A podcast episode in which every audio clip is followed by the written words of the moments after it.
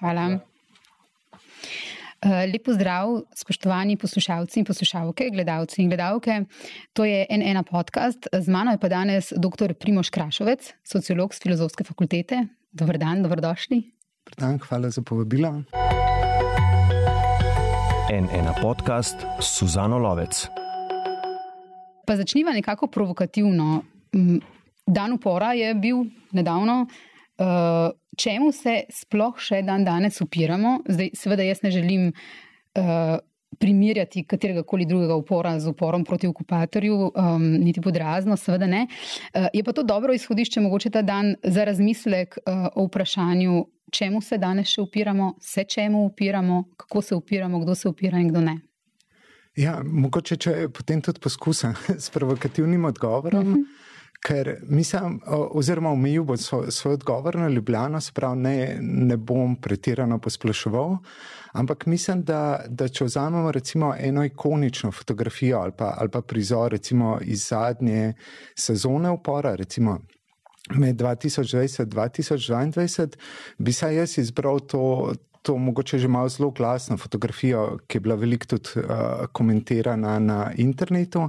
In sicer to, ker je z nogo napisano delovske pravice na, neke, na peščeni plaži, sprate neki rajski plaži na nekem rajskem otoku, ki, do katerega prideti in v katerem bivati ni, ni prav poceni. Ampak zdaj, tako, tako da mislim, da ta, ta prizor dejansko zgošča nekako bistvo upiranja v Ljubljani ali pa recimo nekega habitusa upiranja v uh, Ljubljani, ampak zdaj onkraj recimo te očitne hipokrizije, recimo ljudje, ki imajo veliko denarja ali pa ki prihajajo iz uglednih družin, uh, potem pozirajo kot uh, uporniki, seveda obstaja tudi ta element recimo tega neskladja, recimo med razrednim izhodiščem pa cilji ali pa recimo te deklariranim sporočilom odpora. Ampak mislim, mislim, da je situacija, vsaj kar se tiče Ljubljane, zanimiva tudi onkraj, recimo te očitne, očitne hipokrizije ali pa a, očitnega neskladja in sicer v smislu, da, da je neka recimo levičarska ali pa oporniška drža, je saj, je saj v Ljubljani, če, recimo, če nekdo hoče karkoli dosežeti, pa tudi ne, ne v celi Ljubljani, recimo, če še bolj preciziram, pa zožam, ampak recimo v nekih intelektualno-kulturnih političnih ali pa parapolitičnih aktivističnih scenah, je pravzaprav nujna ali pa, ali pa obvezna. Se pravi, ne gre. Uh, recimo v nasprotju z običajnimi predstavami oporov, kjer imamo recimo mainstream ali pa normi družbo in potem imamo nek rop opora, recimo nekaterih, ki gledajo izjemno, izjemno kritično, ampak so pravzaprav marginalni glede na srednjo družbo. Mislim, da je situacija v Ljubljani je, je obrnjena. Pravzaprav tisto, kar je normi ali pa, ali pa mainstream in kar je hkrati tudi obvezno, recimo Tudi kar se tiče recimo kariernih strategij, načrtov, doseganja političnega vpliva, je ravno obratno, mora biti neka, neka uporniška drža. Tako da v Ljubljani je lahko recimo bolj disidentska drža, a politična, recimo, ali pa, ali pa zavračanje. Recimo meni je zanimivo včasih testirati, eh, če se izrečem a politično ali pa da me neka tema ne zanima, koliko so recimo žolčni odzivi potem, mm. potem na to, ker, ker se preprosto pojavlja nekdo, ki zavrne recimo to, to prisilo po uporništvu ali pa uporništvu uporniški drži. Zdaj, recimo, kaj bolj konkretno mislim s tem prisilnim uporništvom ali pa, ali pa prisilnim levičarstvom.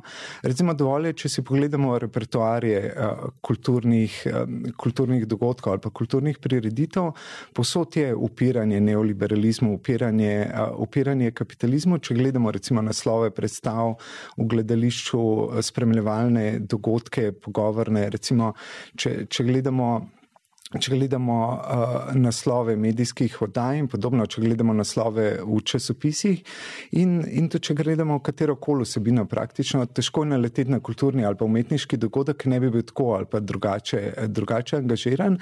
Se pravi, tudi karierne strategije, recimo napredovanje v tem ali pa vstopu v sa, samo to polje, more biti, uh, more biti neko uh, levičarska drža ali pa uporniška drža.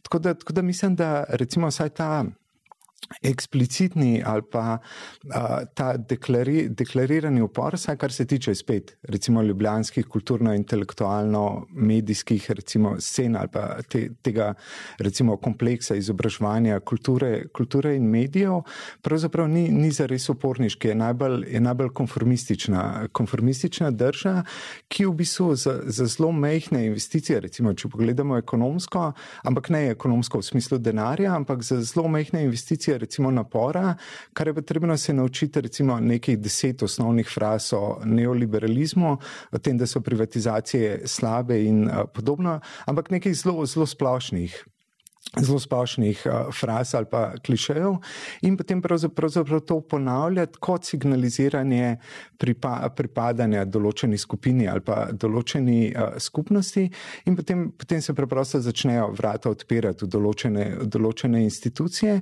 potem, potem pa lahko nijansiramo recimo te, te fraze ali pa ta, ta način uh, govora in recimo. Uh, pridemo na više, recimo na više položaje zno, znotraj teh uh, situacij.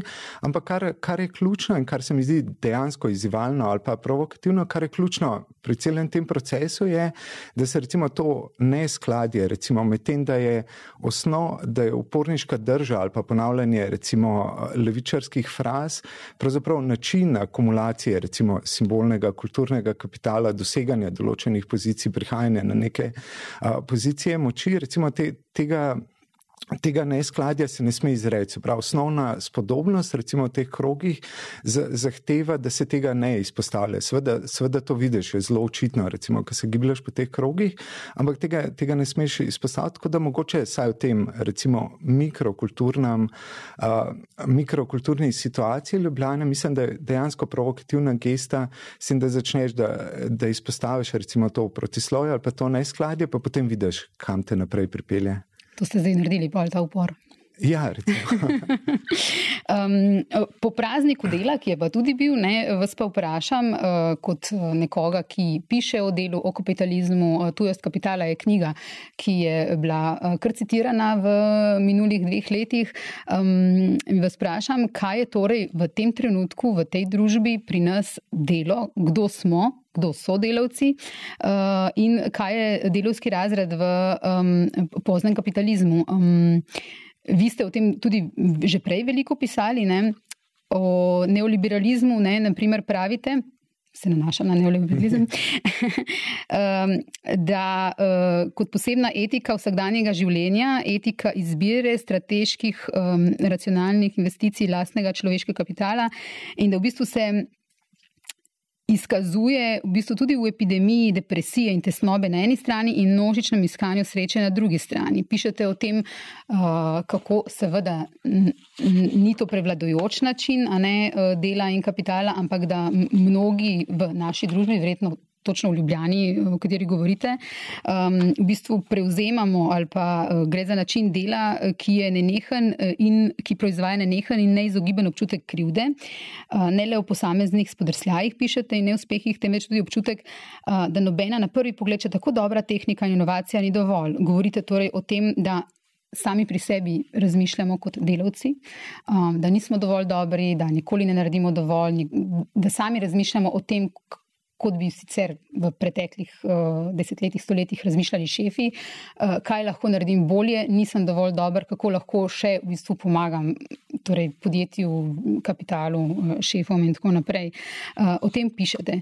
Tudi um, moje vprašanje tukaj, torej, kaj je v tem času um, še delo in kdo smo delavci? Uh, ja, zdaj to, so v bistvu dve, dve vprašanje v enem, tako da bom začel na prvo odgovarjati, uh, med čimer bom verjetno pozabil, kaj je bilo drugo. tako da vas bom prosil, oh. mogoče, da, da me spomnite na to drugo.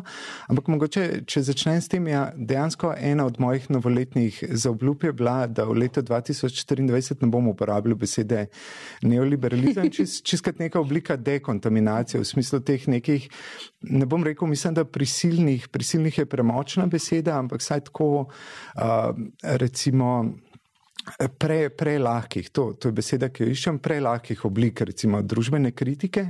In se mi zdi zelo, zelo zanimiv tak uh, eksperiment na, na samem sebi, tudi zato, ker za eksperimente na samem sebi ne potrebuješ soglasja etične komisije, da recimo poskušaš, poskušaš, na, poskušaš najti oblike kritičnosti, ki ne vsebujejo, um, ki ne vsebujejo besede neoliberalizem. Zdaj tudi ta, ta trojček člankov, ki sem jih napisal uh -huh. uh, 2016, je, je bil pravzaprav tudi nek izraz naveličanosti teh klišejev o neoliberalizmu, v smislu, da neoliberalizem je uničenje države. Sem, sem kako potem pojasnil, da neoliberalizem je ravno političen ali pa državni projekt. Zdaj, sam se ne spomnim, da bi Ronald Reagan recimo ali pa Margaret Thatcher prihajala iz privatnega sektora, mogoče deloma Ronald Reagan kot nekdani, nekdani igralec, ampak večinoma je bil to državni projekt, politični projekt. Tako da sem poskušal razmišljati na, na test, uh, recimo, ali pa spet če sta očitna protislovja, ko ostajajo v teh recimo površnih obravnavah neoliberalizma razrešena, pa spet videti, uh, videt, kam bo to pripeljalo. Zdaj, Kar se tiče tega prvega dela vprašanja, kaj je delovski razred v uh, kapitalizmu, mislim, da to vprašanje ni, nima zelo očitnega odgovora. Oziroma, Očiten, očiten odgovor bi bil, uh, bi bil preprosto ljudje, ki delajo, ampak recimo, že če, če se vežemo na to recimo, delo kot neko konkretno aktivnost, mislim, da že zgrešimo eno od bistvenih uh, zgodovinskih posebnosti uh, kapitalizma, kjer, kjer ne gre ali pa kapitalizem uh, razsloji družbo ali pa razdeli družbo na razrede ravno na način, da ignorira kakršne koli konkretne dejavnosti ali pa tudi kakršne koli recimo kulturne vsebine, kulturne vsebine v najširšem pomenu, recimo stile oblačenja, stile prehranjevanja, okus, recimo kulturni okus in podobno, za razliko od vseh predkapitalističnih družb. Se pravi, če pogledamo katero koli recimo zgodovinsko predkapitalistično kasno družbo, pri čemer besedo kasta uporabljam tudi za stanove, srednjeveško razdelitev, recimo kot neko to splošno predkapitalistično družbeno delitev, so ta delitev vedno poteka glede na določene, ali pa vedno, vedno temelji tudi na kulturnih, kulturnih razlikah, se pravi v smislu. Um, Eh, recimo aristokracija nosi plašče, plašče iz eh, krzna, krone, eh, nakiti iz dragih kamnov in zlata, ne, ne samo zato, ker danes, ker so te stvari draže in izgledajo lepše ali pa signalizirajo višji status, ampak samo aristokracija lahko nosi določene kroje, določene barve, določene materijale, potem meščani je recimo že nekaj drugega in najnižja kasta kmetje oziroma tlačani spet nekaj drugega. Tako da, tako da je ta usklajenost očitna že, že na prvi pogled. Recimo, če dam primer, nasprotni primer iz kapitalizma, danes tudi navadnemu službencu nič ne preprečuje, da gre recimo v Zaro pa si kupi ali pa v H&M pa si kupi poceni imitacijo. Um, poslovne obleke, se pravi, lahko zgleda kot svoj šef, se pravi, lahko.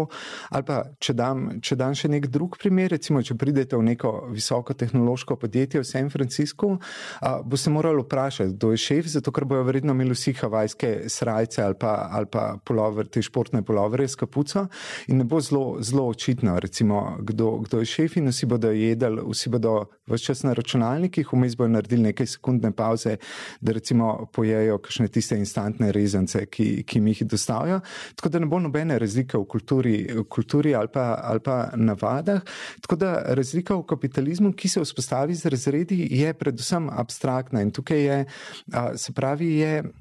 Ali pa je odnos do te nematerialne uh, razsežnosti ali pa ne kulturno določene razsežnosti uh, kapitalizma, ki pa ravno vredno. Se pravi, je, je vprašanje, uh, je vprašanje kako kako določene osebe a, dostopajo, dostopajo do produkcije presežne vrednosti, se pravi te, te osnovne formule kapitalizma, kjer denar a, producira več, več denarja, na kakšen način ali pa na kakšni točki a, dostopajo do, do tega procesa, ker so, ker so vse kulturne značilnosti navade in podobne irrelevantne, ampak tukaj, tukaj pogosto se zmedejo, recimo tudi današnji sociologi, ker še vedno, eh, še vedno imajo neko predstavo o kapitalizmu iz 19. stoletja, ker pravzaprav ta kastna um, delitev še ni popolnoma razgrajena in se dejansko delavci so oblečeni v cape, podobno kot uh, srednjeveški tlačani, medtem ko so kapitalisti oblečeni v cilindre, frake in tako naprej, recimo v zelo izrazite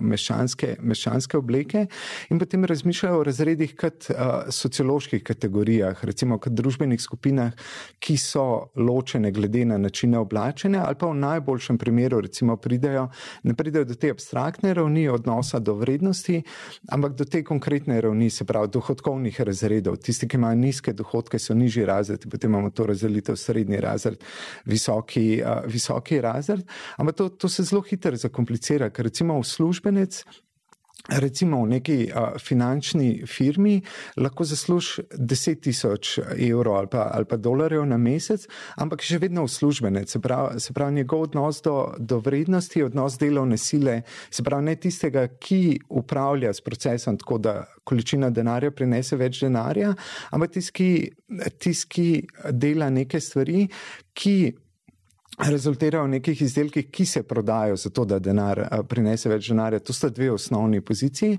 ampak ta, ta uslužbenec, ki je formalno gledano v proletarski poziciji, čeprav gre to kontra recimo vsakdanjim intuicijam, ker vedno mislimo, da, da so proletarci ali pa, ali pa delavci revni, je lahko bogatejši recimo od kapitalista, ki je lasnik nekega mehkega podjetja, ampak katerega ravno zato, ker je mehko, um, uh, mu ne omogoča, recimo, da bi sam v sebi izplačal 10 tisoč evrov neto. Se pravi, imamo lahko kapitaliste, ki so revnejši od, od proletarcev, to, to recimo zmede to intuicijo o razredih kot dohodkovnih kategorijah, če sploh ne govorimo o razredih kot recimo kulturno določenih uh, družbenih uh, skupinah.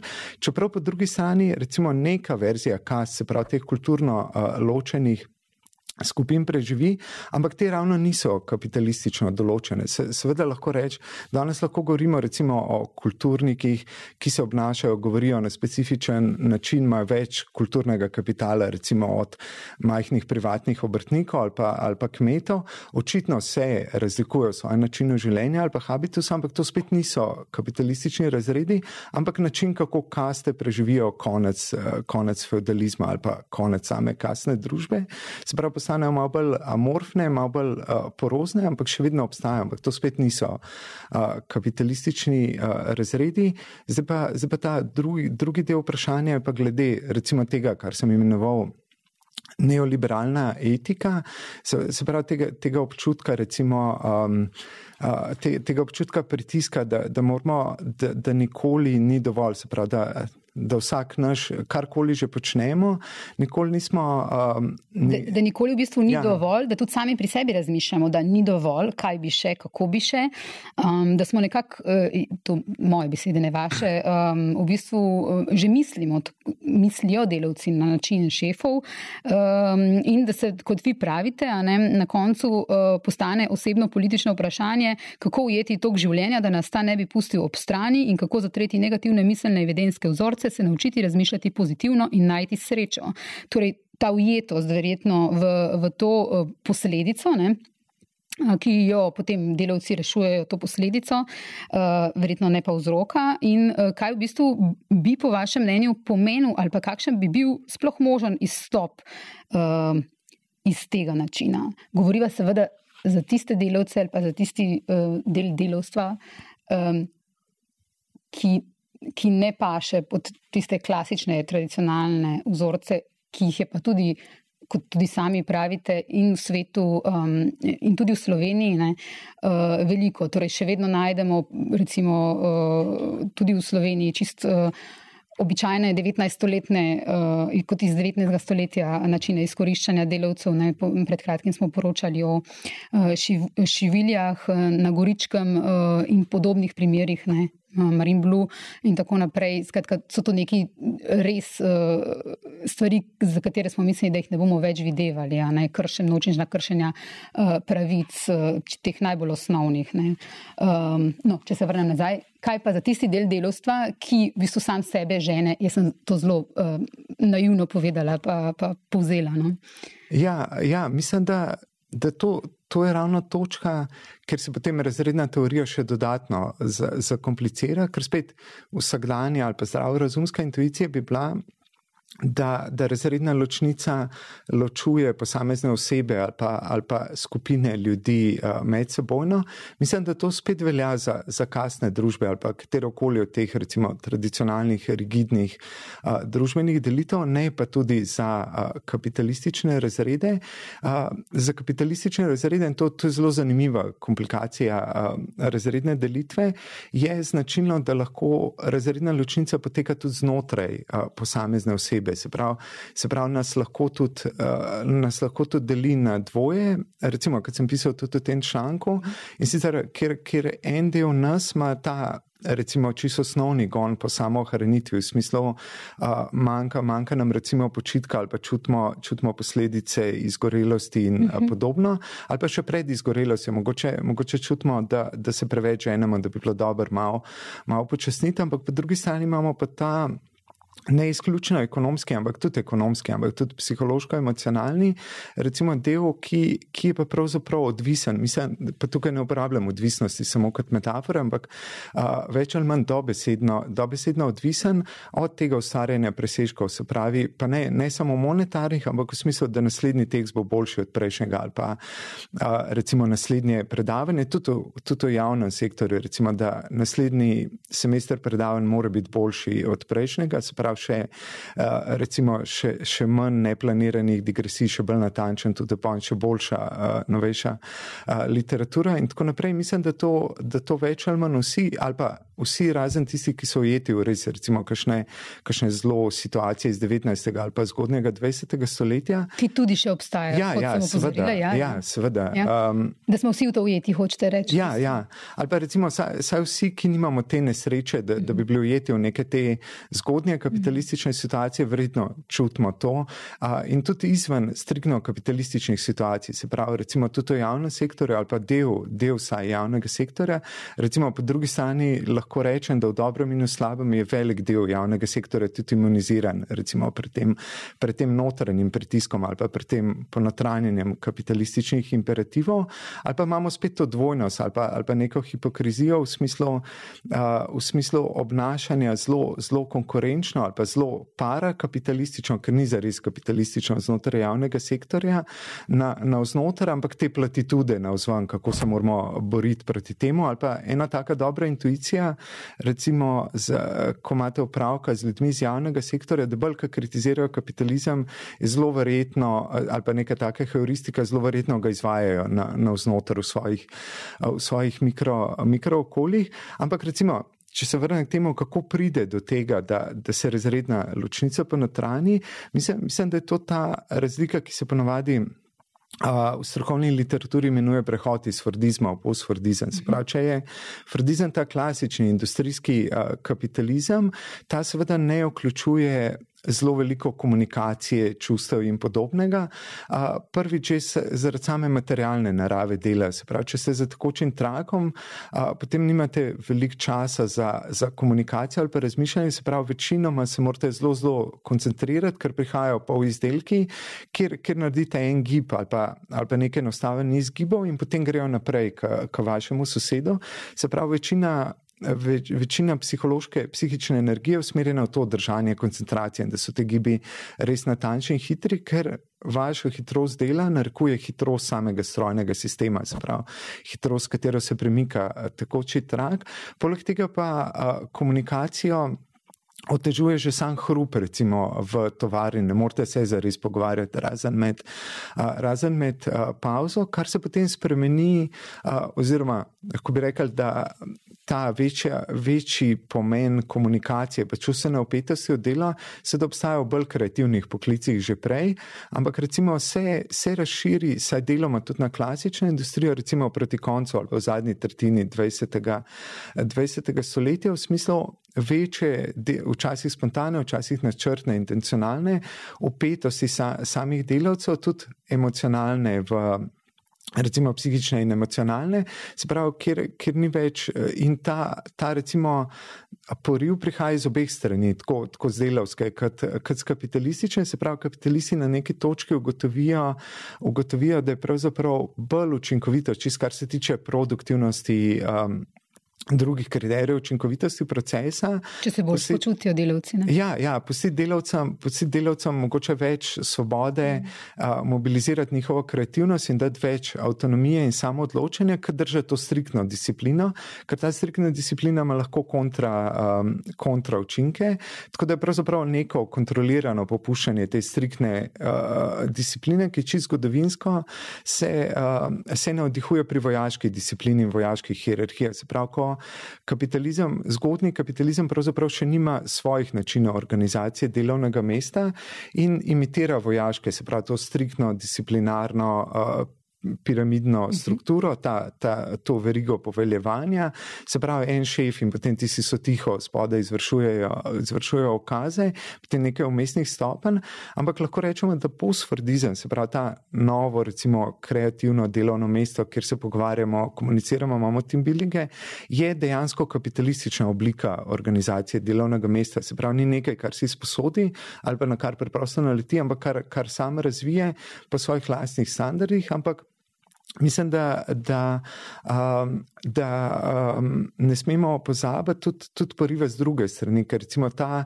disciplinarni tovarniški sistem tudi ni bil zelo, zelo prijeten uh, z delovske strani, pravzaprav bil zelo, zelo uh, neprijeten. Tudi zato je, recimo, če damo osebno, osebno anegdoto, recimo moji, moji stari starši so bili te klasični industrijski, uh, industrijski proletarci in recimo, ko, ko sem bil najstnik, so mi vse čas govorili, um, da, da ne bom priden v šoli, da bom imel dobre ocene, zato da se, da se upiše na faks.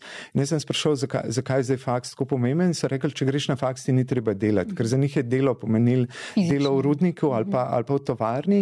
In za njih, recimo, te meščanske, meščanske karijere, kot je recimo biti zdravnik, profesor, to za njih ni bilo delo. To, to je bilo pravzaprav življenje. življenje življenje uživancije. To, to za njih ni, ni pomenilo delo, ampak zato, ker so imeli sami celo življenjsko izkušnjo tega, recimo, tovarniškega ali pa industrijskega dela, tega niso želeli prihodnim uh, generacijam. So pravi rekli, za, zadnje, kar hočeš, je to, da, da ostaneš brez izobrazbe ali pa drugih možnosti, ker potem boš mogel delati v tovarni. Se pravi, tega niso videli kot nek cilj, ampak kot prekletstvo. Se pravi, nekaj, nekaj, kar so oni mogli pretrpeti, zato da naslednjim generacijam ne bo treba. Tako da, to, s tem sem mislil ponazoriti to, da, da, da, da, da bi bilo narobe zanemarjati tudi pritisk z te druge, mhm. druge strani.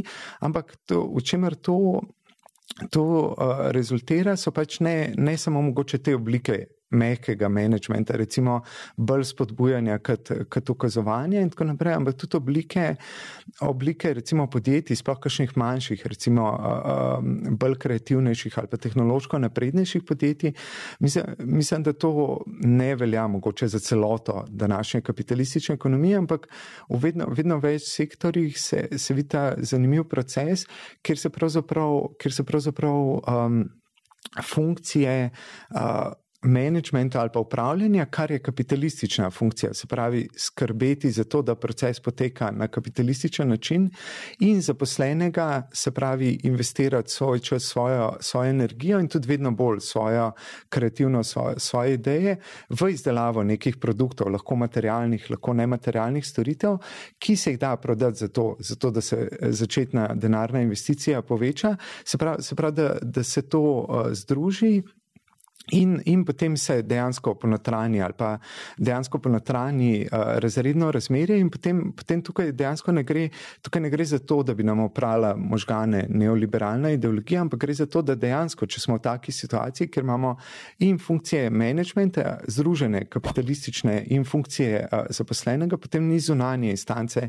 od katere bi se distancirali, uh, um, nad katero bi se pridušali, ki bi jo uh, kritizirali, ampak je dejansko vsaka težava v podjetju tudi naša dejanska težava. In pa če, če prodaja naših izdelkov ne prinese dovolj denarja, recimo, da bi si po, povečali plače, je to dejansko tudi, tudi naš problem. Se pravi, moramo hkrati razmišljati kot kapitalisti, pospeševati uh, prodajo, biti bolj konkurenčni, delati hitreje in učinkoviteje, ampak hkrati, hkrati tudi sami vse čas potem čutimo negativne učinke tega, recimo recimo tipa ali, ali psihične, zdravstvene, izgorelost, anksioznost in podobno. In potem, potem je vse čas postane pravzaprav razredni boj, ta notranji psihični boj, se pravi med, med tendenco, to osnovno, kot sem že omenil, po samo ohranitvi in tem, tem da, je dejansko, da je dejansko potrebno če, če si iz recimo, neke ekonomske računice, proizvajati vedno več, se pravi, držati korak s konkurenco, biti bit konkurenčen in a, podobno. Ampak to, to je samo, ampak ni, ker sem prej omenil odvisnost, to, to ni samo ekonomska računica, ampak de, dejansko se na nek način a, uskladijo, uskladijo psihični a, mehanizmi z delovanjem, s tem zunanjim delovanjem ali pa s, te, s temi osnovnimi kapitalističnimi imperativi, spravi tega neskončnega povečanja povečevanja presežne vrednosti, kar potem dobi obliko. Obliko odvisnosti ali pa deloholizma, kar je, kar je še en pomemben psihična razsežnost kapitalizma. Ampak, recimo, kakšen odstotek ljudi, recimo v Sloveniji, bi, bi pripisali ali pa mislite, da ima to notranjo dilemo oziroma ta notranji razkol, kjer bi so sam sebe žene, uh, ne, na ta način, kot ste zdaj opisali, oziroma uh, ki verjetno je uh, slejko prej v, v, v neki dilemi, na kak način um, to tesnobo razrešiti. Um, tudi um, Rajko Mušič je. Z, v intervjuju, ki, ga, ki ga je imela novinarka Irma Musič um, ob 1. maju na NN uh, opozoril recimo na to, da uh, smo mogoče malo zavedeni, da so se stvari veliko spremenile na boljše, zaradi tega, ker ni več toliko fizičnega dela. Je opozoril točno na te oblike, druge oblike dela in na to, da je v bistvu tudi digitalizacija prinesla k temu, da smo. Tudi po 12 ur lahko v službi, pa niti v bistvu se tega ne zavedamo, verjetno. Ne? Uh, skratka, moje vprašanje je bilo, uh, pri teh, pri katerih je ta uh, notranja razdeljenost, ne, ki ste jo opisali, na kak način je tukaj um, možnost razrešitve tega, oziroma uh, ponujate kakšne rešitve? Ja, mislim, tukaj um, ne, ne bi se upal govoriti o številkah, ker, ker te stvari je to zaradi te. te um, Specifične, recimo, sa, samo skrivanja razrednega razmerja v kapitalizmu, ki sem ga omenil prej, te, te stvari zelo, zelo težko statistično preveriti. Mislim, mislim, da ne moramo iti pogledati na SURS, ker so smo klasifikacijo različnih, različnih poklicov, pa, pa te dohodkovne razrede. Tako da mogoče lahko dobimo to bolj osnovno sociološki pregled nad uh, razlikami v premoženju, razlikami v dohodkih, pa, pa lahko govorimo o razredih na ta način.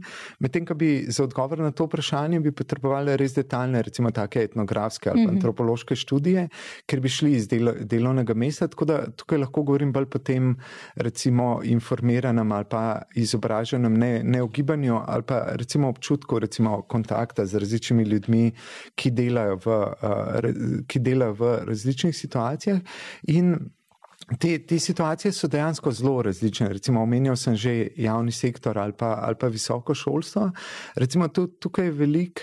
Tukaj je veliko, recimo, ciničnega, distanciranega, distanciranega odnosa od tega pritiska, ki ga tudi čutimo po neskončnem produciranju, vedno več, samo da je ta para kapitalistična. Ne, ne produciramo vedno več denarja, ampak recimo vedno več akademskih točk. Ampak pogosto je tukaj ciničen, ali pa rekel bi, recimo, saj spet Univerza v Ljubljani, da ne posplošujem preveč. Je, je mogoče najbolj pogost je ta, recimo, cinično-pragmatičen odnos do tega, se pravi, na, na vzven kritika, na vznoter maksimiziranje. Um, ali pa na vzven te platitude o groza, pršen neoliberalizem univerzom, na znotraj pa maksimiziranje lastnih točk. To, to se da, to spet mogoče kot eksperiment, to se da zelo enostavno preveriti. Se pravi, pišete kritike kapitalizma, vsi kriz, pa vidite, vidite koliko akademskih to so zbrali v zadnjih petih letih. Ponovadi zelo, zelo visoka, recimo ta glasna kritika neoliberalizma, pa količina točk, se ponovadi zelo uh, pozitivno uh, korelirani. Ampak recimo bi bila ta, bi bila ta uh, distanciranost, v smislu, v smislu, da se potem začne gejmati ta, ta sam sistem, da ni dejansko proizvajanje več vednosti, kar, kar bi se pravi, da ni tega pritiska po proizvajanju več, recimo, vednosti, izvirnih idej, res dobrih tekstov ali pa te maksimizacije Recimo, na, naslednja teorija mora biti res odkritje, mora biti boljša, ne samo od moje prejšnje, ampak od vseh obstoječih, ampak je več ali manj spreminjanje naslova enega in istega članka, ki se potem 20krat v glasilu nekega oddelka ali pa nekega inštituta 20 let zapored uh, objavi, ni pa to neka karijera, pa maksimizacija točk, ali pa recimo nameščeni citati uh, v smislu, da, da se neko oddelek ali pa neka raziskovalna skupina dogovori, da bodo en drugega citirali in bo tako, tako uh, maksimizirali maksimizirati. Tako da recimo to bi bil tak distanciran, cinično uh, distanciran odnos do tega, bi rekel, zelo, zelo manjša. Zelo, recimo, veliko manjši del ali pa manjši procent je tistih, ki, ki dejansko to, to vzamejo resno, v smislu, da mogoče uh, kapitalizem ni, ni samo slab ali pa grozen, ampak da je dejansko ta dilema v smislu, koliko lahko res zanimivih novih idej, teorij in tako naprej uh, produciram, ne, ne da prideš do burnouta ali pa, ali pa česa, česa podobnega. Se pravi, da je dejansko ta dilema med, neko, med nekim še znosnim uh, tempom, ampak tudi ta, tudi ta občutek, recimo tudi zaradi te izpostavljenosti z internetom, vse mogočim vse mogočim novim teorijam, zanimivim, potem, ko vidiš, koliko se res na svetu dogaja. Ker tisto, kar nas je včasih uh, reševalo, je bilo to, da smo bili relativno izolirani. Mm -hmm. Se pravi, prebereš par teh klasičnih knjig o izobrazbi, potem veš, mogoče še za deset ljudi, ki kaj podobnega delajo in jih spremljaš, ni, ni pa še interneta in potem, potem nisi pod tem pritiskom, koliko hitro se vse stvari dogajajo, koliko je res zanimivih novih teorij, vsak dan novih, novih tekstov in je potem še teže to dohajati, um, kamoli. Uh, prehitevati, recimo, ali, pa, ali pa biti na, na vrhu tega. Ampak, recimo, misel bi, da. Ali pa rekel bi, da, da manjši del recimo, na, na ta način to doživlja tudi znotraj javnega sektorja, recimo ta pritisk, ampak da, ta, ampak da je ta manjši del pravzaprav potem avantgarda in da v tem smislu mogoče kapitalizem ni tako slab ali pa spet lahko, lahko čisto obrnemo te, te osnovne vrednote, da mogoče je. Mogoče je poanta v tem, da, da se išče dobro, dobro ravnotežje med tem, da, da dejansko ne, ne pretiravaš, pa izgoriš, pa da nima to kontraefekta, pa med tem, da, da se dejansko žene, že delaš nekaj, nekaj novega, zanimivega, da si boljši in, in od sebe v preteklosti in, in od drugih. Ker recimo v tej običajni, saj ljubljanski kritiki neoliberalizma je to avtomatično videno kot nekaj, um, kot nekaj negativnega, kar, kar se mi zdi zelo podobno tistemu, kar se vsaj v tej pop psihologiji ali pa tej internetni psihologiji imenuje gaslighting. Se pravi, da, da, da vzameš nekaj, kar je očitno res in potem rečeš, da, ali pa nekaj, kar je očitno dobro, v smislu, da poskušaš biti vedno boljši, tako od samega sebe, kot od konkurence, da poskušaš delati vedno boljše ali izdelke, produkte ali teorije ali kulturne osebine ali karkoli. Potem rečeš, ne, ne, to je slabo in potem vprašaš, zakaj je slabo, ker je to neoliberalizem in neoliberalizem je slab. Potem vprašaš, zakaj je neoliberalizem slab, zato ker je neoliberalizem, pa tudi vsi drugi tako pravijo. Tako da tam nekje, nek, uh mhm. -huh. tam nekje se konča to uh, pre, preopraševanje. Um, Ampak, ja, ampak ko rečete, ne rekli ste mi, da m, v bistvu, uh, ste se uh, zakleli, da boste uh, brez uporabe tega termina, ne zlorabljenega, uh, um, oziroma prevečkrat uporabljenega, uh, poskušali najti kritiko družbe, torej brez uporabe tega. Na kak način torej, um, vam to uspeva? Aha, ja, mislim, mogoče zdaj, zdaj imam samo nekaj tako bolj nepovezanih intuicij, ki še niso zares uh, postale, postale raziskave, ampak um, bolj, tako, da, tako da mogoče lahko govorim bolj, bolj o procesu ali pa tej začasni improvizirani uh, metodologiji. In sicer tako poskušam, recimo, poskušam se vrniti na, na neke situacije, ki sem jih povazil ali, ali pri sebi ali pa pri drugih, uh, pa, pa ki so bile mogoče prehiter prehiter, prepovršno razložene, s tem, da to je učinek kapitalizma in kapitalizem je slab in, in to je mm -hmm. potem ta kritika, ampak se v bistvu bolj, bolj odprav neke, neke situacije, kot bi se jih dejansko, dejansko pojasnili. Tako, tako da imam zaenkrat bolj ne, nekaj teh mentalnih folderjev odprtih, ki, s katerimi se potem nameravam še ukvarjati, pa, pa se k njim vračati. Reci, recimo en tak, en tak primer je. Um, recimo, razlika, razlika med intuicijo ali pa, ali pa občutkom, kako, kako se organizirati, kako delovati z drugimi. Pač to je čisto osnovno vprašanje in, in načinom, recimo načinom, kako, se, kako so se različne skupine ali pa kolektivi, ki sem jim v preteklosti eh, pripadal, kakšni so bili samoumevni načini vzpostavljanja notranjih odnosov in organizacij. Se pravi, zelo taka osnovna mikro, mikrosociološka tema, ki se, ki se mi pa zdi, ima, ima nekaj tako za alternativno družbeno kritiko, mogoče zelo, zelo velik uh, potencijala, ker, ker recimo ta klasična antineoliberalna ali pa antikapitalistična uh, drža bi seveda implicirala neko ne zares reflektirano ali pa ne zares pojasneno egalitarnost. V smislu, vsi smo enaki, tako da če se organiziramo v nekih skupinah, ne sme biti nobene hierarhije in moramo biti odprti. Recimo tukaj konkretno mislim vse recimo aktivistične ali pa politične ali pa teoretsko aktivistične skupine, ki sem jim v preteklosti uh, pripadal. In tukaj je bila vedno, recimo, saj, saj moja intuicija je vedno kričala proti temu, tako v smislu, ne, tako končno nam je uspelo vzpostaviti ne, neko mehko skupino, pa, ampak mehko skupino, ki, ki zares deluje, v smislu, da da, da ima res nek intelektualni potencial, da, da so recimo neke, neke razprave ali pa tudi ta zdrava kompetitivnost. V smislu, ko, ko nekdo nekaj, nekaj prebere, potem vsi ostali čutijo pritisk, da še to prebere, zato da ne zaostajajo recimo v teh debatah. Se pravi, so tako zelo intenzivne razprave, veliko dobrih tekstov se, um, se producira. Recimo, bile, bile so neke sezone, kjer, kjer smo dejansko recimo privabili v Ljubljano. Govorite kdo, o delovsko pankarskem. Ja, ja. Uh -huh. Recimo ne, neko obdobje, tam okrog 2013-2014, ker smo dejansko privabili Ljubljano, katalog, kdo, kdo je kdo tedanje marksistične teorije, brez kakršnega koli uh, pretiravanja. Se, se pravi, ni, ni, bilo, ni, ni bilo tako, kot je situacija Ljubljane v zvezi s koncerti, ker že mogoče te že malo služene zvezde pride ali pa Nick Cave, uh, tradicionalno vsako leto v Križankah in uh, podobno, ampak so bili dejansko ljudje, ki so bili takrat aktualni, ki so bili takrat uh, na višku.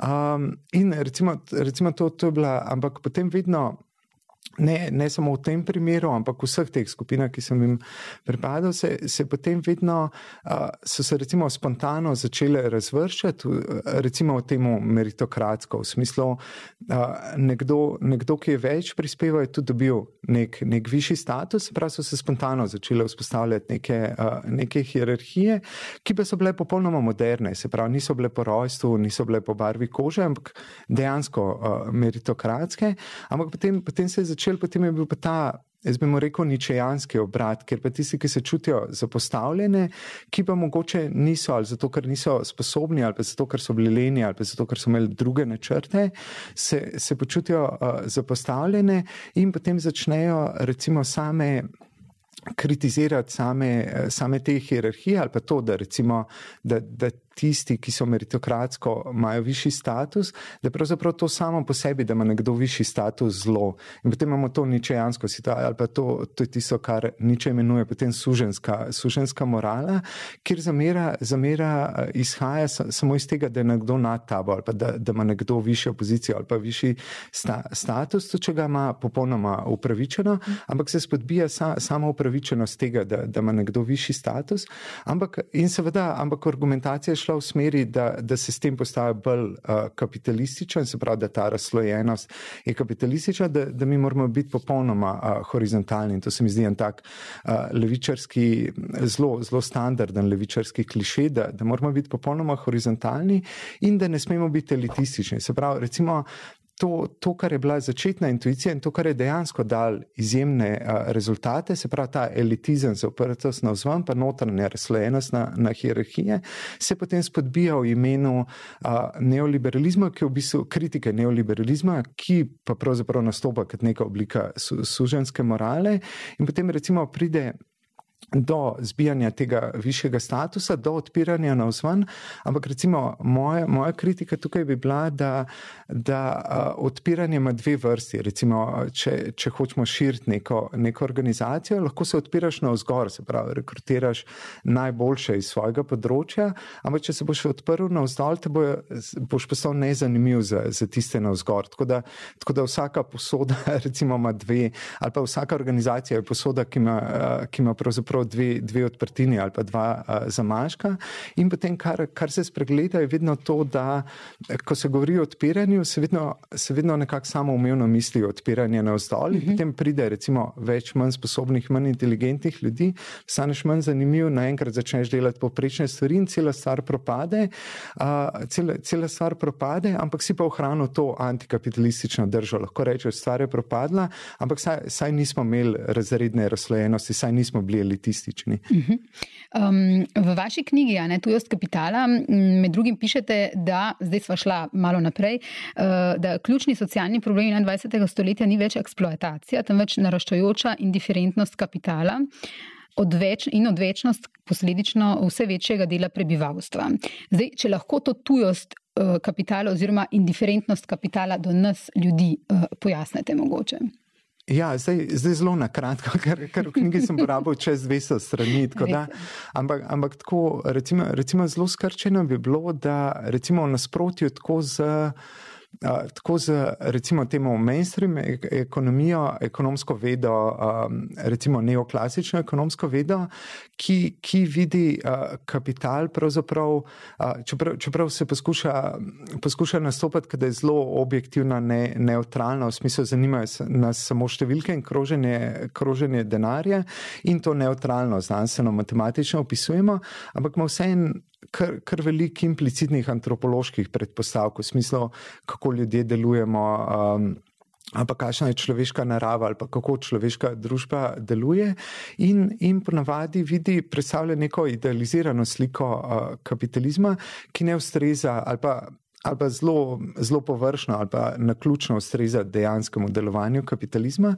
Spravim, te antropološke predpostavke so ponavadi, da, da je kapital kot nek a, dedek mraz ali pa božiček, ki, ki nagrajuje pridne otroke. Se pravi, recimo, če, če pokažemo a, podjetniški duh a, in, in podobno, potem dobimo večjo nagrado kot nekdo drug. Mislim, mislim da je zelo dober a, a, korektiv, korektiv tej klasični ali pa neoklasični drži, je, je Hayek sicer. Neoliberalni avtor, ampak mislim, da ima zelo dober uvid, ki reče, da, da trg nima nobene morale, da, da, je popolnoma, da je popolnoma amoralen, tako da ne da se kakršnega koli zagovora kapitalizma graditi na, na moralni osnovi. Se pravi, je veliko velik bolj, eh, distribucija nagrad je veliko bolj kaotična, kaotična in ne, nepredvidljiva, kot, kot to, da si ga preprosto predstavljamo kot nekega, nekega božička, recimo tako. V smislu, če smo pridni, pa gojimo podjetniški duh, bomo dobili nagrade, lahko jih bomo, lahko jih ne, lahko jih bo, lahko jih bo dobil pa nek, recimo, ta cinično distanciran uh, kolega, ki samo ga ima sistema ali pa noben od naj. Ne, ne da se po moralnih dispozicijah pre, predvidevati uh, nagrad. Ampak tudi, recimo, uh, medtem, kaj pa drugi, tako da, tako da mislim, da tukaj neoklasična teorija pravzaprav sploh ne more misliti uh, indiferentnosti kapitala, ker, prav, ker pravzaprav v kapital projicira neke svoje nereflektirane, uh, recimo moralne, moralne intuicije, medtem ko po drugi strani marksistična kritika uh, pa svojo, svojo to obsedenostjo z delavstvom v tem, spet bolj antropološkem ali pa, ali pa kulturnem, kulturnem smislu, ki, ki včasih meji že na fetišizem, se pravi s temi a, zastavami, značkami, titovkami. Mislim, mislim, da je tega ogromno, sploh, ko govorimo tudi o ljubljanskem uporu. Prav doživljanje delavstva na način fetišizma, določene mode, določenih oprav, določenih, a, določenih a, simbolov. Se pravi, to, to pogosto pa Marksova teorija, saj pa poznega Marksa, recimo kapitala, pa teh ključnih rokopisov, recimo iz tega časa, ni, nima nad tem. Je pa recimo ta bolj propagandni ali pa vulgarni marksizem vedno nekako uračunal in potenciral ta, ta recimo kult ali pa fetišizem, fetišizem delavstva. Se pravi, ne teorije delavskega razreda, ampak fetišizem nekih, nekih množic, katere potem danes, saj v Ljubljani, potem live action role playamo, tako da, tako da si damo recimo kakšno opravo, ki spominja na leninistično ali pa maoistično ali pa partizansko ali pa, ali pa kaj podobnega. Ampak ta, ta recimo fiksiranost na delavstvo, recimo ali pa ta fetišizem delavstva, pa preprečuje saj, saj recimo temu vulgarnemu ali pa osnovnemu uh, marksizmu, spet da bi videl indiferentnost kapitala, ker po tej teoriji kapital obstaja zato, da bi delovstvo izkoriščal in delovstvo bo potem enkrat ostalo in odvrglo, odvrglo te okove kot subjekt uh, revolucije in zgradilo na teh ruševinah kapitalizma, potem, kad gre ta levičarski kliše na novi svet.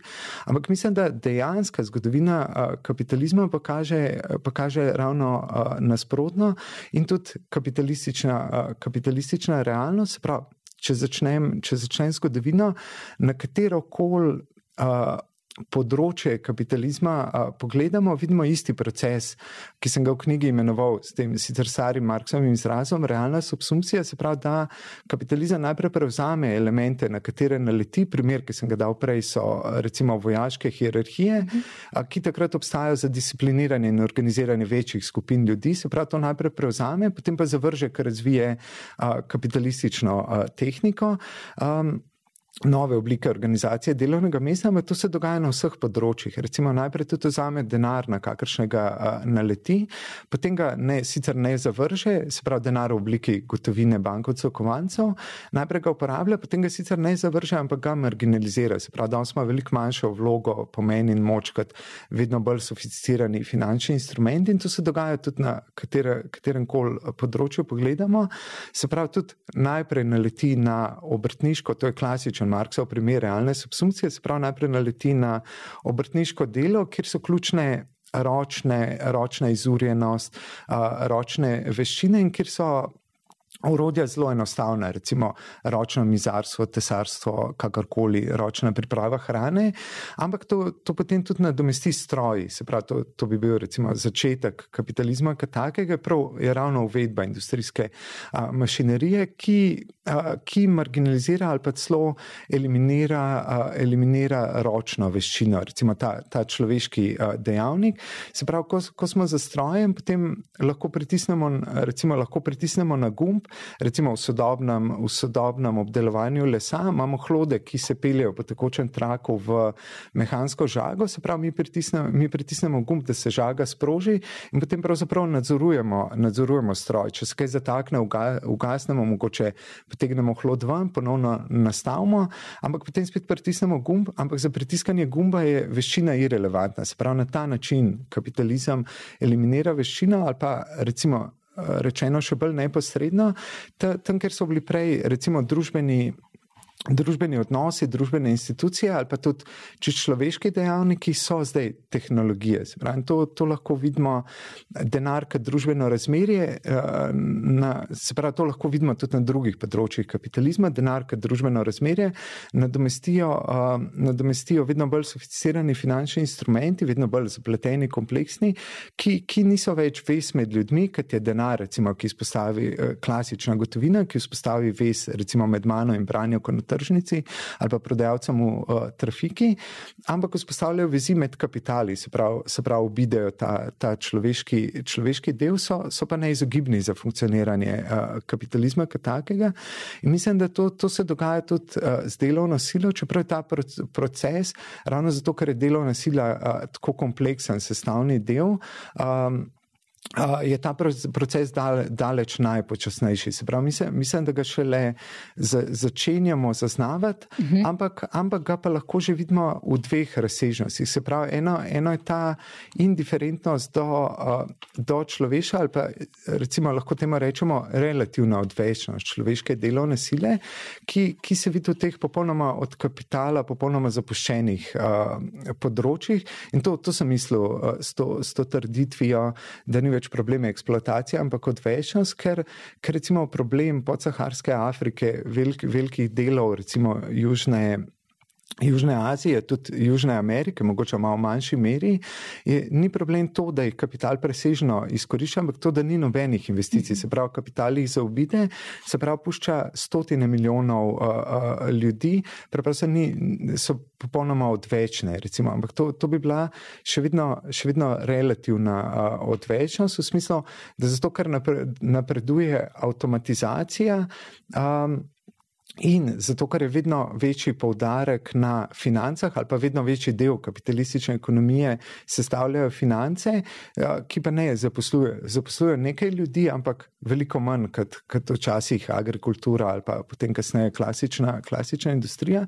Sprav zaradi teh dveh eh, procesov vedno več ljudi ostane ob robu ali pa, ali pa recimo primer, če se vrnem k primeru Afrike ali pa Južne, Južne Azije, recimo v Afriki, kar, kar je uh, investicije, recimo, če izuzamemo recimo te nove kitajske, ki bodo mogoče kapitalistično v prihodnosti mobilizirale tudi Afriko, mogoče so pa tudi samo geostrateške uh, investicije, se pravi pridobivanje vpliva, to, to bo prihodnost pokazala. Um, ampak recimo izven tega so večinoma investicije v črpanje naravnih virov, se pravi, se pravi neke minimalne investicije, ker, ker se dela v groznih pogojih za, za zelo nizko plačilo, recimo v rudnikih za uh, rudnine, ki jih potrebujejo za potem izdelavo pametnih uh, telefonov telefonov ali pa za, za diamante in uh, podobno.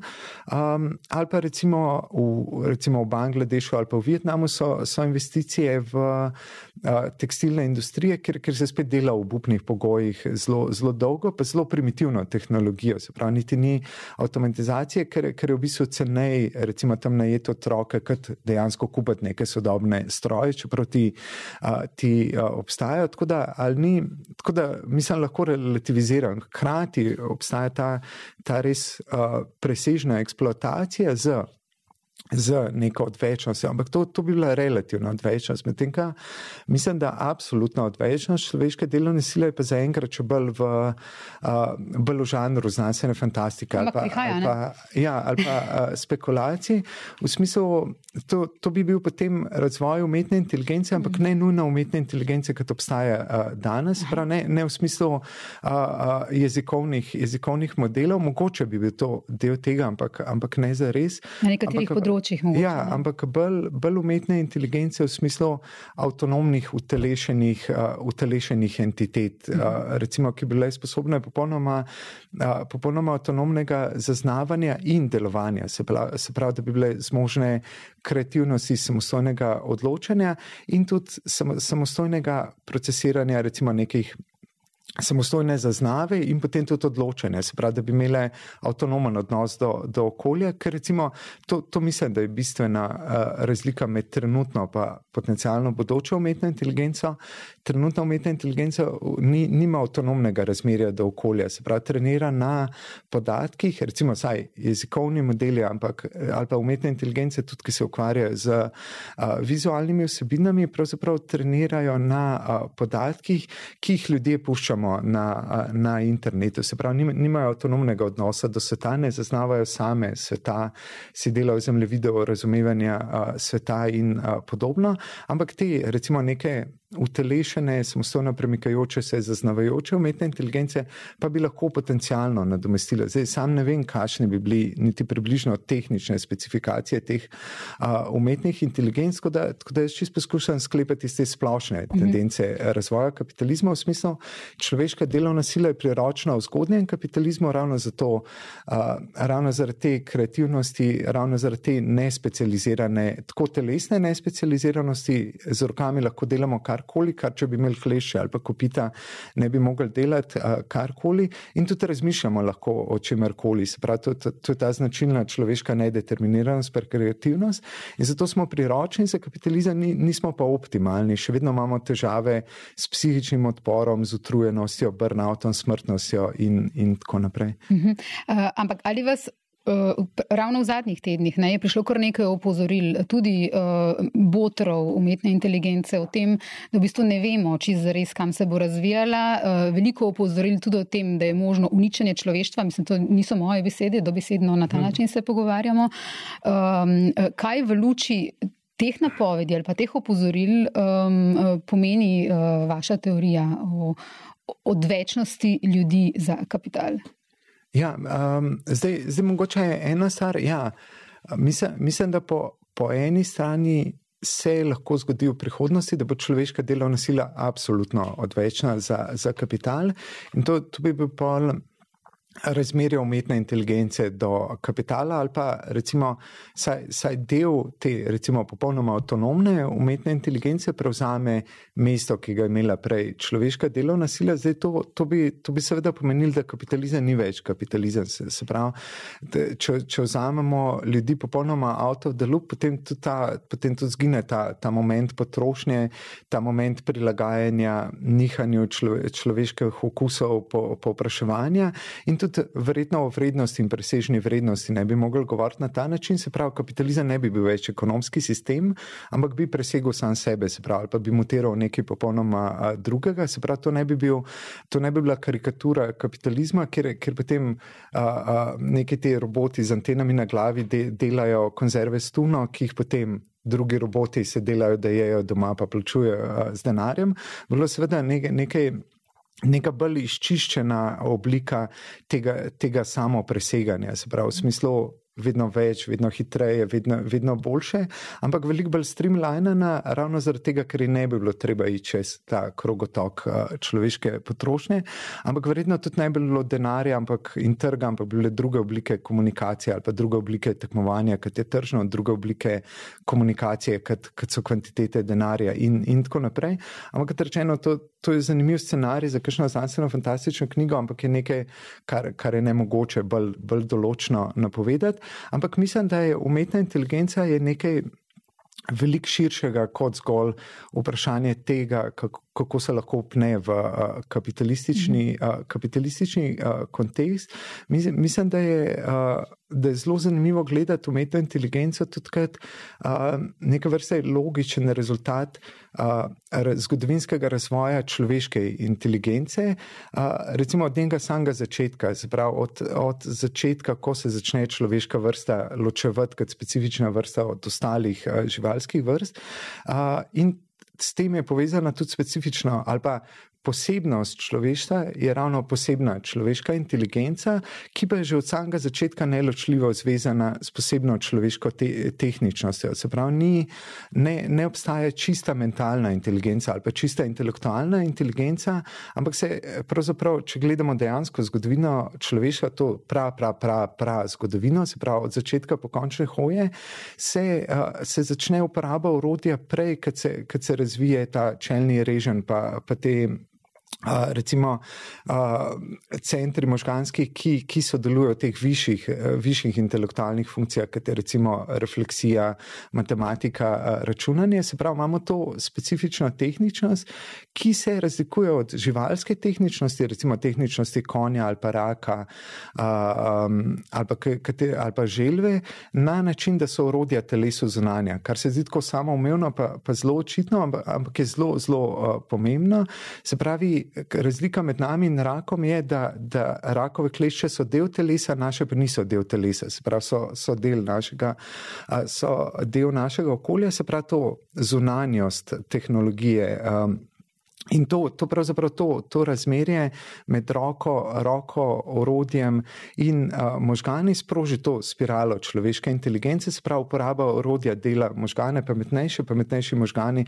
Se pravi, začetni prav človeški možgani niso večji od možganov opic, so, so pa na drugačen način zvezani zaradi uporabe zunanjega, zunanjega orodja, potem pametnejši možgani pomenijo pametnejša uh, orodja, drugačno uporabo in potem, potem gre ta uh, recimo pozitivni feedback in to sproži uh, človeška inteligenca, ki šele sto tisočletja kasneje rezultira v literaturi, matematiki in tako naprej, ampak je pa vse čas tehnična. To, to mi spozabimo. Recimo, danes bolj cenimo filozofijo, matematiko in literaturo in rečemo, razmišljamo o inteligenci kot nečem intelektualnem, ampak je vedno tehnična, se pravi, vedno je povezana s tehnološkim uh, razvojem in ta je vedno, in ta je vedno uh, zonani oziroma poteka na način, kot sem omenil že prej. Recimo, ta, ta primer, ko delamo, ko recimo, če poskušamo ročno narediti nek, nek lesen predmet, stol ali pa zibelko ali pa karkoli, je seveda odločilna veščina. Pravi, rabimo leta, če ne desetletja vaje, recimo, da zelo natančno uh,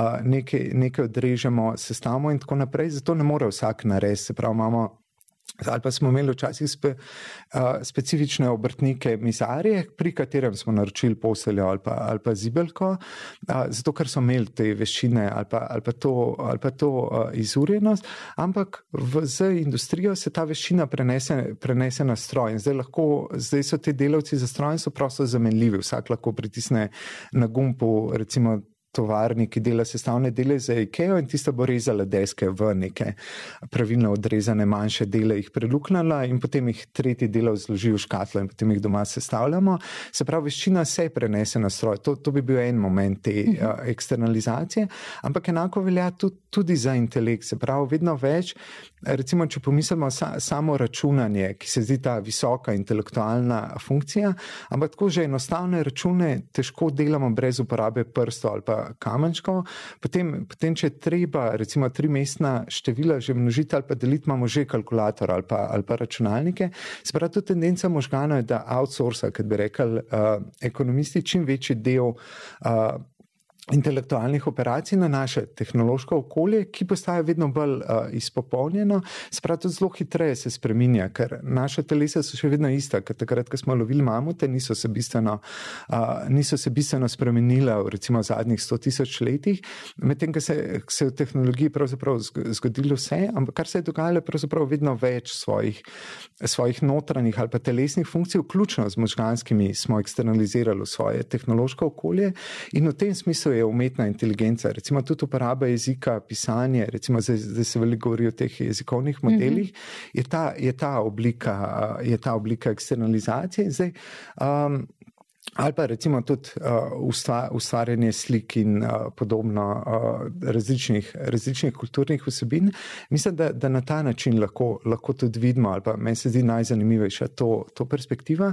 Zdaj, zdaj pa, kar, kar se tiče uničenja človeštva ali pa to, da bomo izginili, mislim, mislim da, da je tukaj uh, da je tukaj čisto enostaven problem. Recimo, če si predstavljamo superinteligenco, pa ne mislim, da, da je trenuten, če je GPT superinteligenca, ampak če si predstavljamo res avtonomno super, superinteligenco, potem bi imela ta verjetno do človeštva podoben odnos, uh, podoben odnos, kot ga imamo mi do teh pomladnih, pomladnih hročev, teh rdečih, ki vedno v gručah hodijo. Če smo pozorni, potem opazimo, da se pojavijo enkrat aprila ali pa kaj malo bolj topleje, potem pa malo zginejo, ampak zakaj več bi pa že morali vprašati kakšnega biologa ali pa zoologa, kaj, kaj je točno s temi hroči. Se pravi, mislim, mislim, da bi jim prihajali tako v nek periferni vid, te, težko si pa predstavljam, da, da bi imeli neko genociden odnos. Mislim, mislim to, to se mi zdi približno tako absurdno. Ali pa tudi, recimo, tudi kar se tiče meduse, recimo meduze nam grejo izrazito na živce, ampak vse nimamo genocidnega odnosa. Ni, ni zdaj bilo neke koncentrirane kampanje, grem, gremo iztrebeti meduze. Tako, če jih vidimo, jih zajamemo v mrežo, pa vržemo, pa nam je vse, če umrejo. Ampak ni, ni pa zares, da, da bi se zdaj človeštvo ne vem, nehalo ukvarjati z vojno v Ukrajini, pa bi začeli iztrebljati meduze. In, in v tem smislu če, ali, pa, ali pa s čimerkoli drugim, recimo pretečo finančno krizo, se pravi, imamo svoje probleme, ki izhajajo iz načina, kako kako uporabljamo svojo inteligenco, in smo več ali manj indiferentni do nižjih življenjskih oblik. Se pravi, včasih jih uporabljamo za hrano, ampak večinoma jih ignoriramo, ali pa tudi, če jih iztrebimo, je to stranski učinek nečesa drugega. Se pravi, potrebujemo nekaj, naredimo tovarno in potem mogoče, mogoče imajo neke ptice težave z izpušnimi plini, ampak to, to ni bila intenca. In se mi zdi, pri celem tem, jaz bi mogoče že začel počasi govoriti o tem kultu AI, umetno inteligenčnega katastrofa katastrofizma, ki, ki mislim, da, da je deloma kult v, v smislu, da recimo, če, če gledate tega judokovskega, re, res gleda zblojen. Tako da, tako da mislim, da, da, pri njemu, da pri njemu je to resnično neke, neke psihične težave ali pa, ali pa motnje, ker, ker zgleda, da zares verjame v te katastrofične scenarije, ampak tako zgleda iskreno bloden, ko poziva k temu, da bi bilo treba atomske bombe vršiti na te kitajske, kitajske klasterje, recimo teh serverjev, ker se dela umetna inteligenca.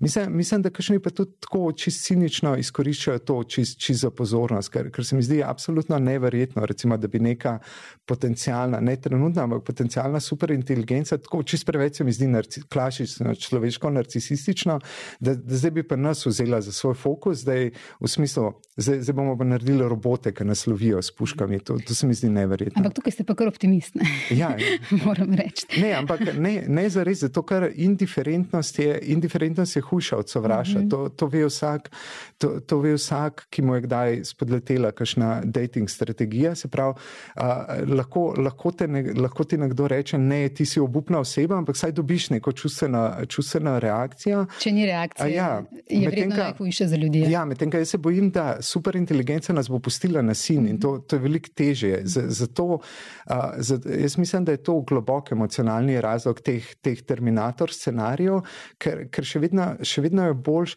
ali pa ne, mogoče ni boljše realno, ampak psihično, emocionalno je ugodneje si predstavljati, si predstavljati da bo ta uh, tehnološka superinteligenca bila čustveno investirana v nas, mm -hmm. tudi če so vražna ali pa negativna, veliko bolj, kot če bi bilo vse en za nas. Mm -hmm. um, Ne bom rekla neoliberalizem, ampak bom rekla uh, tehnofeudalizem, to je izraz uh, Janica Varufakisa. Vi ste do tega izraza kritični oziroma do teh njegovih uh, premislekov. Uh, tudi v pogovoru za NN je pred časom uh, razlagal ta termin. Uh, on pravi, da v bistvu, če zelo posplošim, um, mi za ston dajemo, pač ustvarjamo nek kapital za te uh, velike gigante, ne, s tem, ko v bistvu investiramo svoj čas, ko smo pripeti na družbena omrežja, uh, ko klikamo, lajkamo, šeramo in tako naprej, se pravi, zelo posplošeno. Uh, zakaj v bistvu uh, ste kritični do, do tega izraza? Uh, pa, pa mislim, da predvsem zaradi emocionalnega naboja, ki ga ima, mhm. -huh. ki ga ima beseda uh, feudalizem, ker, ker takoj prekliče neko, neko to uh, osebno odvisnost, tlačenje, tako kot tlaka, tlačani, uh -huh. pa sa, sama beseda in negativni prizvok uh mhm. -huh. izhaja iz recimo uh, feudalnih običajev. Um, in se pravi, to, to neko osebno odvisnost in to neko, neko popolno dominacijo, se pravi, mislim, da z uporabo tega in mislim, da dokler govorimo o feudalizmu, si, se ne moramo izogniti, pač temu ne, ne moramo reči tehno feudalizem, ampak brez osebne, brez osebne odvisnosti, totalne, totalne dominacije. Um, In, in uh, podobnega, ker, ker potem je naslednje logično vprašanje, zakaj potem govoriti o feudalizmu, zakaj ne imeti. Uh, tako, tako da mislim, da, da je to spet neka, mislim, da je to splošna tendenca družboslovcev, sociologov ali pa družboslovcev na splošno, da vsa, vsak si izmisel uh, kapitalizem svoj, svojim pridevnikom, se pravi, in potem, potem imamo kognitivni uh, kapitalizem, ne vem, kakšne še vse, od začel se je s postmodernim, postindustrijskim, potem tekoči kognitivni. Uh, uh, bifoma, recimo semijo kapitalizem. Pra, praktično vsak kritik kapitalizma si izmisli svoj predelnik, potem pa če hoče biti pa edži, pa reče, to ni kapitalizem, ampak je v bistvu feudalizem. To, to če ni res. Tako da, tako da mislim, da to, to bi bil mogoče, ali pa tle, tukaj ne bi bil afirmativen do konkurence, ker v tem, v tem primeru konkurenca kritik kapitalizma tako, tako proizvede, proizvede v bistvu hiperinflacijo nekih kvazi kritičnih mm -hmm. pojmov, uh, ki, ki, so, ki so več ali ki nimajo neke razlagalne, raz, zares razlagalne ali pa, ali pa teoretske moči, ker mislim, da, da sama ta oznaka feudalizem pa pade na vseh, recimo, treh. Um, Zna, značilnostih feudalizma. Pr, prvič to, da, da imamo tehnološke monopoliste, ampak to je vse en drugačna situacija, kot, kot recimo v zgodnjem novem veku, kjer, kjer, kjer monopoli nastajajo, uh, kjer monopoli obstajajo kot recimo patenti, od tukaj izvira še današnja beseda uh, patent, uh, ki jih podeljuje kralj oziroma kraljeva ali pa cesarjeva avtoriteta, kar vnaprej eliminira možnost uh, konkurence. Danes recimo lahko rečemo, da ima Google monopol na področju razvoja softvera, ampak to, to je rezultat konkurence, ne ne neka institucija, ki bo izhodišče onemogočala. Tako da tukaj ne moramo govoriti, da se ponovi situacija izpred recimo iz 17. ali pa, ali pa 18. stoletja, ker vse je monopol, ki je rezultat konkurence, se pravi tega, da Google ali zrine iz trga ali pa pokupi pravzaprav konkurenčne, konkurenčne software uh, firme, se pravi, da ponudbo, ki je ne morejo zavrniti in jih potem vključi in usrka, usrka vase, ampak sem se tudi Google spremeni, dejansko vključuje ta, to, ta nov delek. Um, Se pravi, ne, ne ostaja statičen, za razliko od predkapitalističnih monopolov, ki so ravno eliminirali konkurenco, da bi lahko ostajali statični. Se pravi, tukaj na, na ravni čist delovanja konkurence ne zdrži ta, ta teza o feudalizmu, potem ta, ta teza o tem, da, da nekaj delamo za ston. Uh, to, to, je sicer, to je sicer res na neki, na neki zelo površni ali pa površinski ravni, de, dejansko delamo stvari na socialnih, socialnih omrežjih, puščamo sledove svoje aktivnosti, ki, ki, se, jih da, ki se jih da monetizirati. Um, Ampak zdaj, zdaj ne vem, zakaj, zakaj bi temu ravno rekel uh, feudalizem, ker v feudalizmu, mislim, hočem reči, to, to je res na neki tej empirični, površinski ravni, ampak v feudalizmu kmetje pač del, delajo svoje stvari, pridelujejo hrano, vzgajajo živali, ampak večino tega porabijo zase. Se pravi, tisto, kar jim feudalci vzamejo, je desetina ali pa davek in to države še vedno delajo. Se pravi, če, če bi rekli, da, da je kdo, feudalizmi morali reči države, ker še vedno vzamejo del dohodka vsakemu, ki ima dohodek na, na svojem teritoriju, ne glede na to, je kapitalist, delavec, rentnik, uh, kakorkoli dobiš denarni dohodek, ti država vzame delež tega dohodka in to se res ni spremenilo od feudalizma. Sprav, če bi koga obtoževali, se pravi, delamo svoje stvari, lahko delamo v javnem, privatnem sektorju, lahko smo pasivni rentniki, imamo nepremičnine in sam dobivamo najmnine, pa ne za res ne delamo uh, z njimi. Uh, ampak potem nekdo pride in nam vzame del tega, del tega, kar smo na kakršen koli že način zaslužili. To, to bi potem lahko, ampak spet bi bilo absurdno, seveda sodobna država ni, ni feudalna kraljevina. Ampak zdaj, zdaj samo, to, samo to, da nekdo zasluži z nečem, ampak spet.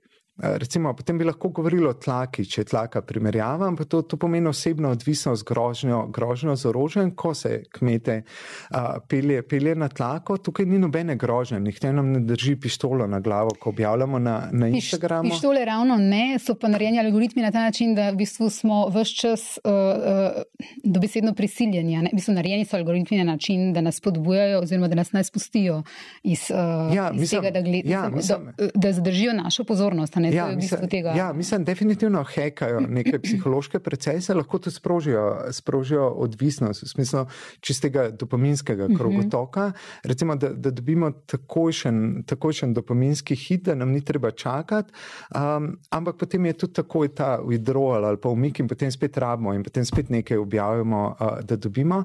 Ampak to, to še vedno deleč od tega, recimo vsi te recimo, psihološko hekanje ali psihološki triki, so še vedno zelo, zelo deleč od tega, ko moraš nekaj prisilno delati na posesu feudalca, tako dobesedno pod ulicami ali pa ki te stražijo oboroženi stražari. Na, eh, hočem reči, tudi, tudi odvisnost je še vedno nekje na, to je mogoče bolj vprašanje za filozofe, pa, ampak saj za me je tudi odvisnost je nekje še vedno na, na ravni.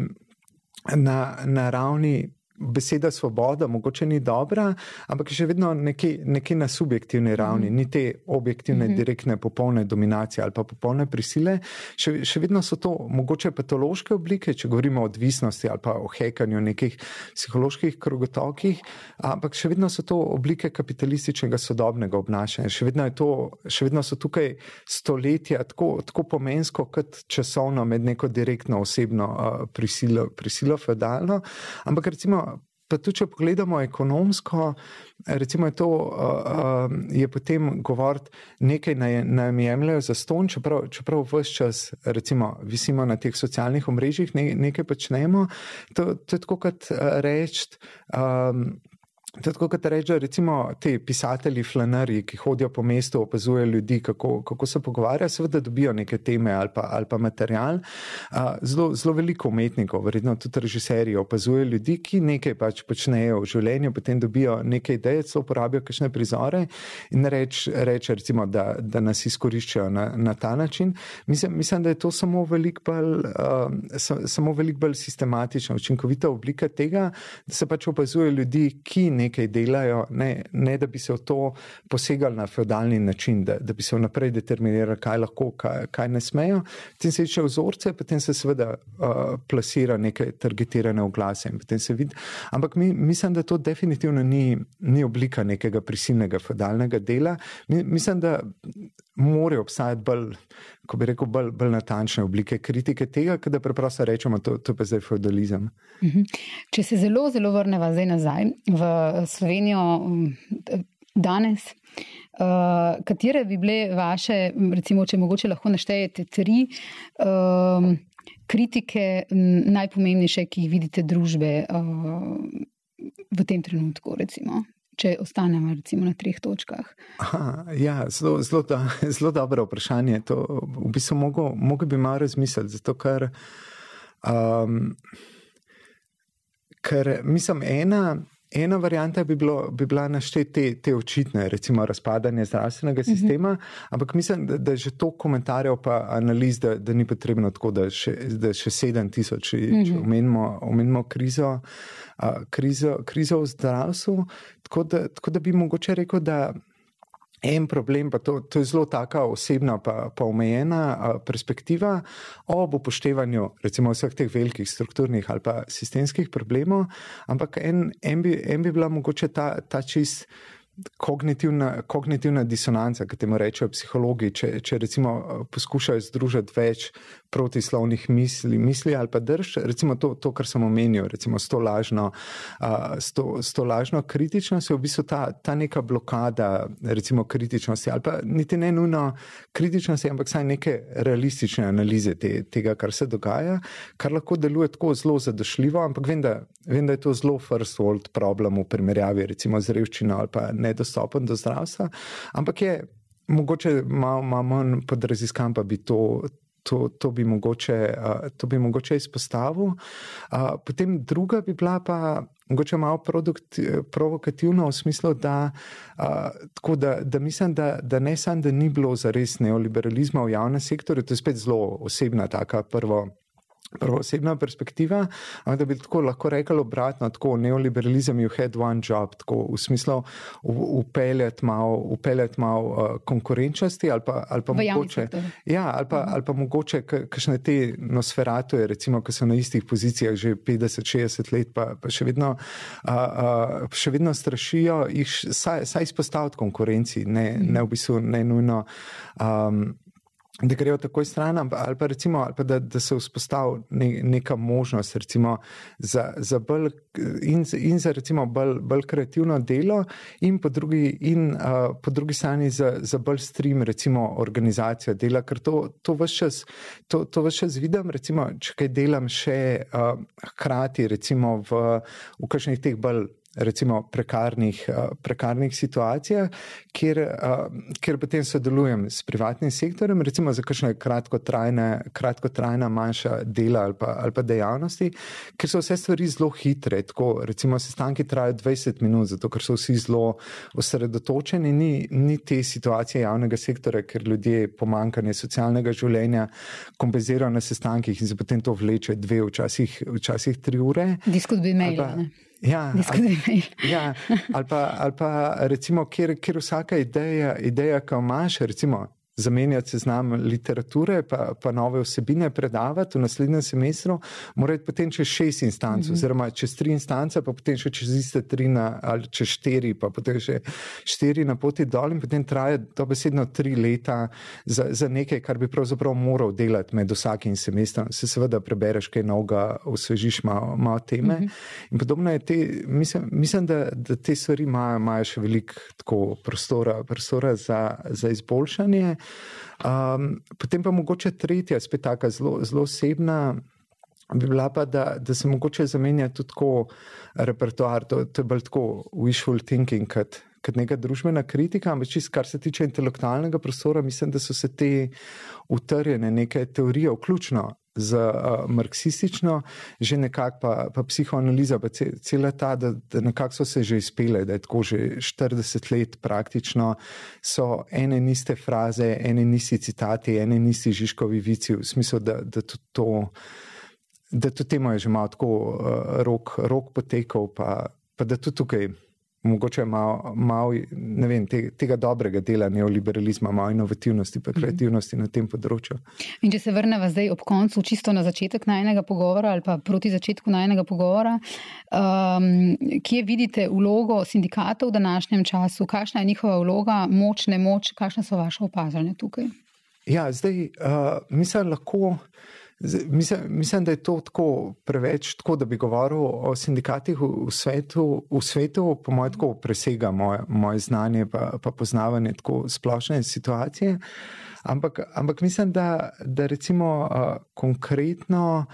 Um, te, te nekaj konkretnih izkušenj, ki sem jih imel s sindikati, mislim, mislim, da je še vedno ne, neko ključno področje, uh, kjer, kjer je še veliko prostora za, za izboljšave odnos do prekarnosti, pa, pa prekarnega dela, ker se mi zdi, da, da je zelo, zelo pogosta tendenca spet ta kritika neoliberalizma. V smislu fleksibilnost, inovativnost, kreativnost je, uh, je neoliberalizem, zato, zato je zelo in v smislu, da, da se pogosto obnašajo, da je to, recimo, če prekarni delavci dejansko cenijo te stvari, da to pomeni, da imajo prane možgane, da so, da so zapadali v neoliberalno ideologijo, da imajo lažno zavest in zdaj treba odstraniti njihovo lažno zavest, da bojo sprejeli ta bolj uh, cinično. Um, cinično instrumentalen odnos do tega, kar delajo, se, se pravi, da bodo razmišljali samo o finančnih nagradah, eh, kar seveda to ni nepomembno in se, seveda, seveda se zavedam, da pogosto naročniki to, to izkoriščajo, se pravi ta presežni entuzijazem,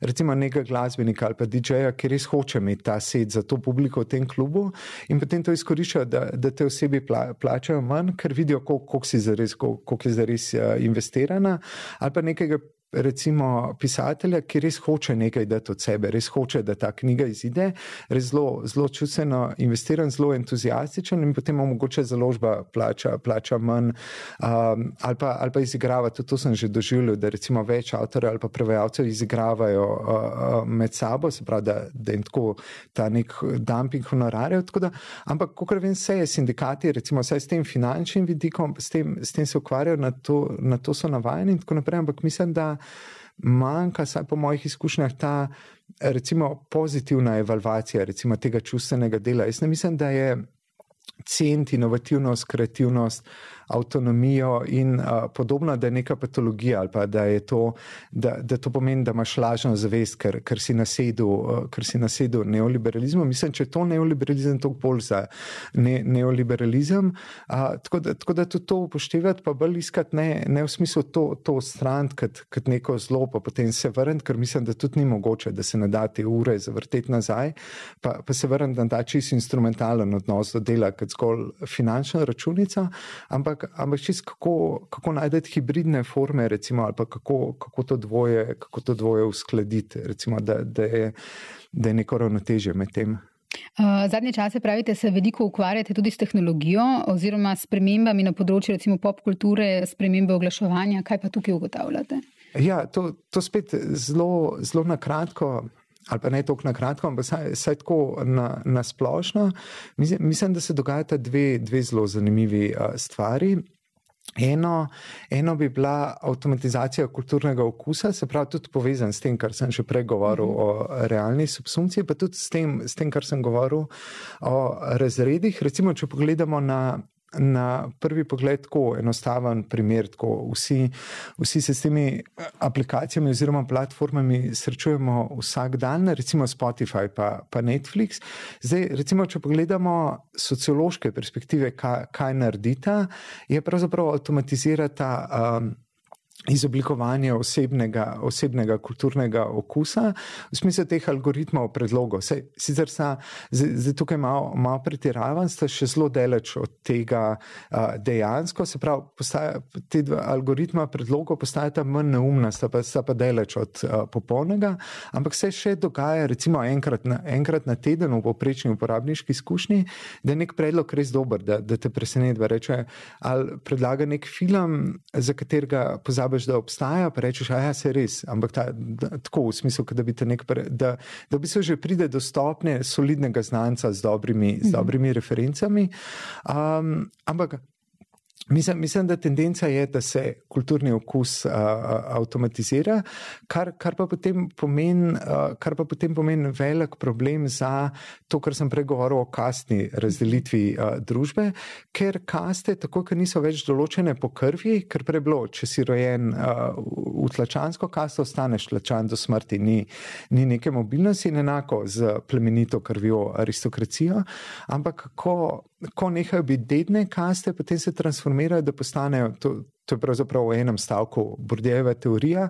Um, se definirajo s kulturnim okusom in z izražanjem kultur, kulturnega okusa, ki pa je pridobljen sicer znotraj te neokaste, ampak izrazito individualno. Se pravi, vedno gre za recimo, tudi, tudi neka gesta prezira, recimo kakšnega cinefila, ki nekdo predlaga, da, da bi gledali skupaj Tora ali pa Hulka ali pa, ali pa kaj podobnega.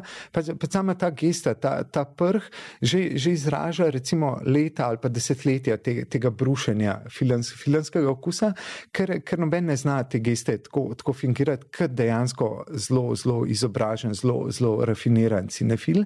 In, in se pravi, pripada višji kulturno definirani kasti, za razliko od Plepsa, recimo, ki, gleda, ki gleda te superherojske Marvel blockbusterje.